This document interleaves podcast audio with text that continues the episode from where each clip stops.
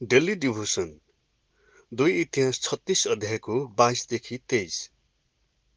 फारसका राजा कोरेसको पहिलो वर्षमा यर्मियाद्वारा भनेको परमप्रभुको वचन पुरा हुन परमप्रभुले फारसका राजाको हृदय उत्तेजित पार्नुभयो अनि उनले आफ्नो साम्राज्यभरि नै मुखैले र लिखित रूपमा यसो भनेर एउटा घोषणा निकाले।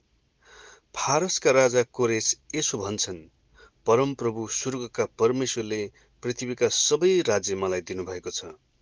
अनि उहाँले नै मलाई यहुदाका यरुसलेममा उहाँको निम्ति एउटा मन्दिर बनाउन आज्ञा गर्नुभएको छ। उहाँको प्रजाको हरेक मानिसलाई जो अहिले तिमीहरूका बीचमा छ म त्यसलाई भन्दछु। परमप्रभु त्यसका परमेश्वर त्यससँग रहन् अनि त्यो मानिस उक्लेर यरुसलेममा जाओस्।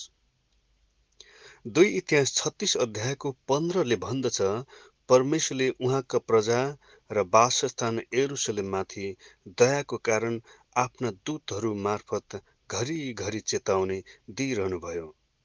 इसरायलीहरू घोर मूर्ति पूजा र विचलनमा परेका थिए।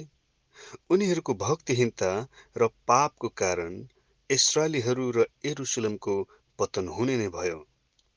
बेबिलोनी राजा नबुक तनेश्वरको आक्रमणद्वारा यरुसलेम जलाइँदै गर्दा परमेश्वर कति दुखित हुनुहुन्थ्यो भन्ने कुरा माथिका पदहरूबाट थाहा हुन्छ।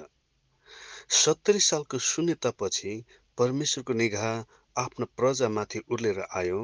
अन्तत इसरायली जातिहरू विनम्र बनेपछि उहाँले एक अन्य जाति फारसका राजा कोरेसको हृदय उत्तेजित पार्दै इसरायलीहरूलाई एरुसलेम जान र मन्दिर बनाउन उर्दी जारी नै गर्न लगाउनु भयो।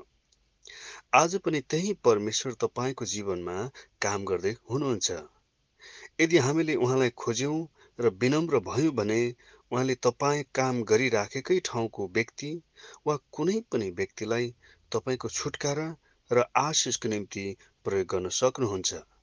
हले हाम्रो परमेश्वर आश्चर्यजनक कामहरू गर्ने राजाहरूका हृदय परिवर्तन गर्ने परमेश्वर हुनुहुन्छ। आमेन।